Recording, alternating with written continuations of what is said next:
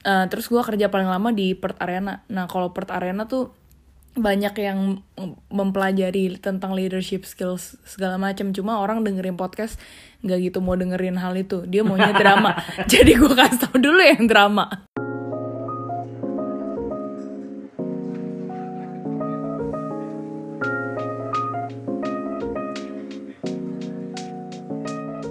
gue juga ke restoran Jepang jadi kitchen hand di Wagamama Oh lu pernah kerja Wagamama mana? karena kerja Wagamama di Subiako Wih, Itu gila. bentar Ini banget cuman. anak-anak Perth pasti pada kayak, eh gue tahu tuh yang itu yang mahal banget.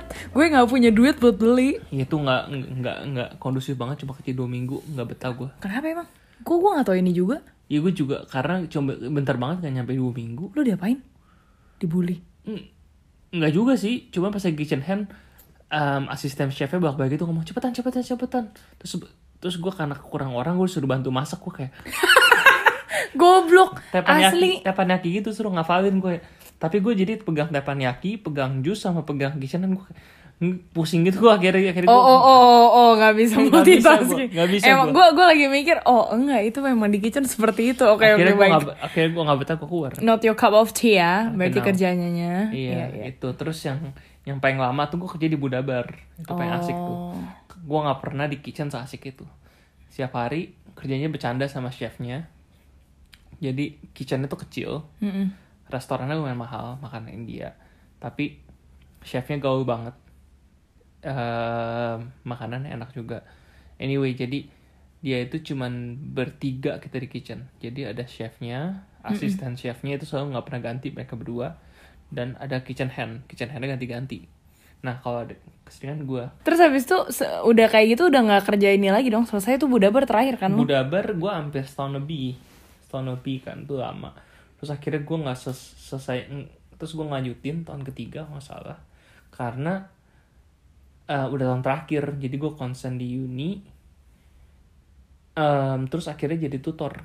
Jadi ngajar di uni. Itu Wih. lebih kenceng lagi. Ngajar gue inget banget tuh gue cuman ngajar 2 jam itu gaji gue lebih gede dibandingin sama ini gue kerja sampai 20 jam seminggu ngomongin gaji dulu gue pas lagi di kitchen hand di Budabar gue dibayar 15 16 tuh lumayan gede tuh per, Per, jam. per jam kan? Per jam. Eh lumayan gede mah. begitu gue jadi tutor 100 kan? 150 Tuh bayangin berapa juta. 150 satu jam gue ngajarin terus gue inget banget tuh karena unit gue kan yang gue tutor kan jadi gue bikin tesis itu benar-benar kayak introduction banget. Ya itu benar-benar gue kuasain derivatif jadi gue megang satu satu satu unit gue megang 6 kelas 6 kelas tutor. Dan itu um, to be honest gue hampir nggak persiap nggak siapin sama sekali karena itu benar-benar kayak kerjaan gue tiap hari.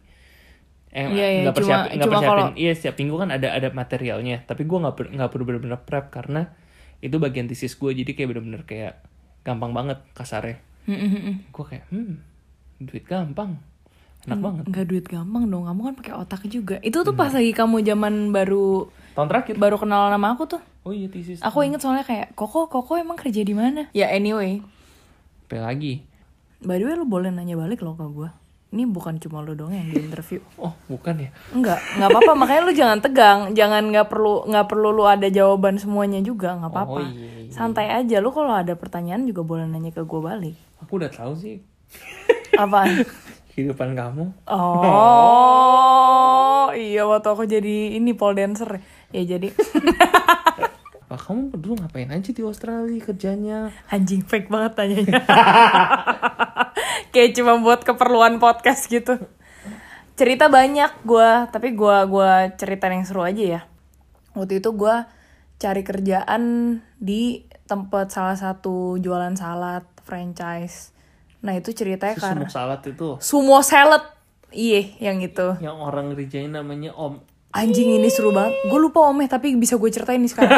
jadi, jadi intinya intinya gini dulu dah gue ceritain yang paling banyak drama ya. Iya. Jadi pokoknya gue kerja semua di kitchen dari pertama yang di Perancis itu apa eh, tempat pastry Perancis. Sure. Nah terus habis itu habis itu gue kerja yang di sumo salad. Eh, terus gue kerja paling lama di Perth Arena. Nah kalau Perth Arena tuh banyak yang mempelajari tentang leadership skills segala macam cuma orang dengerin podcast nggak gitu mau dengerin hal itu. Dia maunya drama. Jadi gue kasih tau dulu yang drama. Jadi pas lagi gue di semua salad itu gue kerjanya lumayan depressing. Karena sebenarnya gue mau kerjaan itu karena gue mau pergi ke Melbourne dan Sydney dadakan. Inget nggak waktu itu yang aku makan gula di Melbourne. Nah gitu. Jadi gue tuh mau nambah nambahin uang jajan. Jadi gue tuh kerja udah kayak orang gila waktu itu. Duitnya sih majan ya mayan. Tapi yang gue nggak suka itu adalah bos gue karena Semua salad Indonesia yang ada di Australia. jangan sebutin cabangnya kalau sebutin cabangnya kenapa nggak sekalian kita sebutin aja nama omnya? Masanya lupa gue juga lupa nama omnya siapa. Gua tapi ih, gue inget mukanya pokoknya. Mau sebutin ciri-cirinya. boleh. Yuk kita berantemin aja di sini. Nah ter- penting, oke. terus intinya yang parah itu bos karena pertama dia itu time managementnya shit banget. Jadi dia tuh suka lu tau kan kalau kita dikasih jadwal itu kan mestinya kalau lu ada perubahan maupun manual atau enggak lu mesti kasih tau orangnya dong. Ini tuh kagak seenak jidat dia. Jadi dicoret di dinding lu tau inget kan yang gue pernah kejadian dua kali anjing banget. Kayak eh jadi misalnya nih shift gue pas gue lihat di dinding tuh mulai tuh kerja jam 9 misalnya ya. Ntar nih tiba-tiba dia expect orang untuk ngecek lagi sebelum pulang. Tapi nggak ngomong loh nggak nggak nggak nggak nggak warn. Terus tiba-tiba besokan ditelepon Yunita where are you? Lu tuh mulai jam 7 buat opening kan bangke maksud gua. Nggak taunya udah dua kali kayak gitu. Itu kan papan, kamu nggak kurang kurang kamu si gaptek itu kan papan ajaib. Oke, Doraemon yang bikin, Doraemon. yang yang nulisin ya kesel juga tuh anjing. Terus habis itu, habis Itu tuh papan Trello, kamu belum mengerti Oh, cara oh, oh, oh, papan Trello baik, sangat sangat inovatif di tahun 2011. Nah terus kesel juga gue mesti om, pengen gue jedotin lo ke papan Trello. terus terus yang gue kesel, udah dia ganti udah gue dia ganti roster gue berkali-kali. Pas nyampe dia expect gue buat minta maaf. Jadi tuh dia tuh masih yang tipikal orang Indonesia yang mau lu salah kayak gimana, asal gue bos, asal gue atasan lu, ya lu nggak berhak untuk dapat maaf gue. Nah terus abis itu ya udah yang paling yang paling parah banget itu pas lagi momen dia mempermalukan salah satu orang magang, inget gak yang orang Cina yang itu dulu gue ceritain ke lu? Udah lupa. Lupa lupa inget juga sih gue detailnya gimana. Oh oh pakai ke sambil ketok-ketok kepala berharap inget ya Be. Pokoknya ada satu anak magang dia itu baru nyampe dari Cina nggak bisa ngomong Inggris sama sekali. Eh, terus gue lu gue lupa deh exactly kenapa dia bisa sampai dipermalukan seperti itu kayaknya dia bikin salah deh. Pokoknya ini udah hari ketiga dia. Nah cuma tuh nih, nih cowok tuh put effort banget. Maksudnya dia tuh tahu Inggris dia sampah. Tapi dia mau belajar. Nah gue tuh don't main sama orang kayak gitu. Karena kalau lagi jam istirahat tuh ya, dia tuh catetin loh Beb. Kayak hmm, pasta itu yang tomat tuh yang mana. Kayak bener-bener kayak dari desa. Jadi dia tuh nggak tahu kalau pasta itu biasa disambungkan dengan tomat gitu. Ngerti gak sih yang basic kayak gitu dia nggak nangkep. Nah pas lagi hari keberapa lah, let's say hari ketiga. Dia bikin salah kayaknya agak fatal terus tiba-tiba gue denger si eh bos gue tuh langsung ambil dua galon apa gitu ya gue lupa. Let's say ngomong ngomong aja saus A sama saus B gitu. Taruh di depan dia. Terus di dikasih tebak-tebakan tapi tebak-tebakan buat kasih lihat lu bego ngerti gak sih? Tebak-tebakan yang bikin lu panik. Anjing gue benci banget kayak gitu. Dia tanya gitu kayak oke lu by the way lu udah kerja di sini bikin salah mulu lu ngert lu tau nggak ini bedanya apa? Terus ya orang kagok lah anjing ditanya kayak gitu pakai Inggris kan. Udah gitu eh dia nggak bisa jawab terus di ini loh lu tau kan sumo salad kan banyak ingredientsnya tuh macem-macem kan. Suruh nebakin itu dong sundry tomato lah segala apa ah, sampai akhirnya dia nggak bisa nebak terus langsung di ngomongin kayak gini. See you don't know anything. Terus lu masa mau kerja di sini? Udah sana lu keluar. Anjing beb digituin beb. Iya terus yang gue jijik itu adalah dia itu orang gereja. Lu ngomongnya lu tuh orang gereja penatua di salah satu gereja lu bawa beberapa anak gereja lu untuk kerja di tempat lu lu treat kayak mereka tuh anak emas karena mereka satu gereja malu tapi sama orang lain lu treatnya kayak dia dianya bego banget gitu. Nah itu sih yang gue kayak ya apa namanya gue belajar sih dari kerja kerja kitchen gitu ya selain leadership ya. Lu tuh attitude is everything sih. Wala- ya mau kerja apa pun ya intinya kalaupun lu bikin salah ya nggak apa-apa. Tapi lu mesti minta maaf sih. Itu gue ilfil banget sih maksud gue. Lu lu tuh kerja di Australia udah bukan di Indonesia lagi. Dan mereka tuh kerja tuh pakai yang kayak masih senioritas masih yang pakai udahlah kita sama-sama orang Indo. Bangke banget. Terus kan ada satu Udah sama-sama orang itu mesti dibayar aja om. sering banget. Wih, pengen mengerang gue di di kitchen. Kesel gue gue gue benci banget orang kayak gitu asli. Kayak dude jangan cuma dapat kerja gara-gara nasionalitas lu tai. Ya anyway Apa-apa. setelah kerja yang macam-macam di Australia pas kerja di Indo lu berasa culture shock? Culture shocknya beda lah. Di sini gue berasa orang kerja, well approachnya beda lah. Gue nggak bisa ngomong nggak profesional tapi lebih ke arah pendekatannya mesti personal. contoh kayak gimana tuh Lu mesti kenal sama orangnya baru orangnya baru baru mau kerja.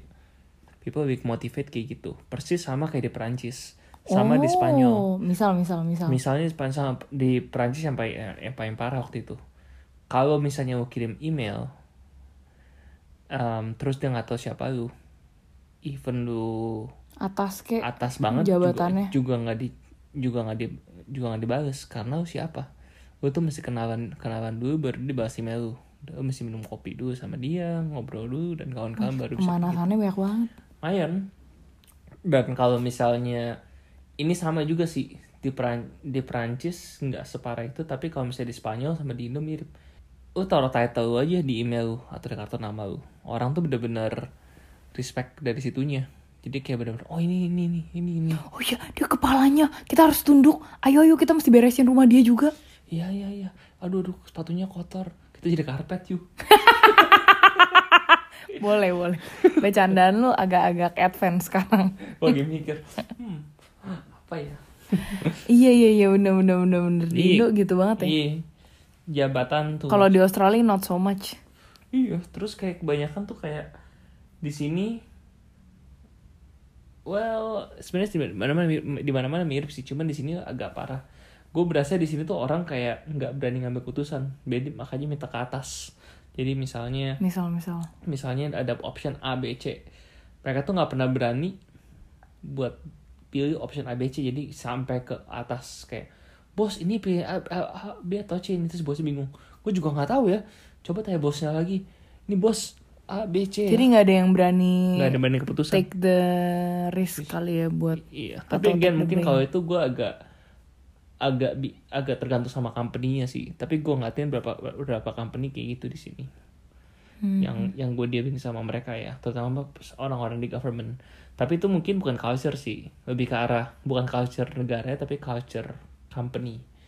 Karena itu juga umum di, di negara lain. oh paham paham paham jadi sebuah company juga ada kayak norma-normanya tersendiri gitu lah ya Iya kan kan culture itu secara conscious atau unconscious terbentuk. Mm-mm. definisi definisi di culture itu kan apa yang kita lakukan dan itu acceptable sama yang lain bener-bener jadi kalau punya simpenan stay safe aja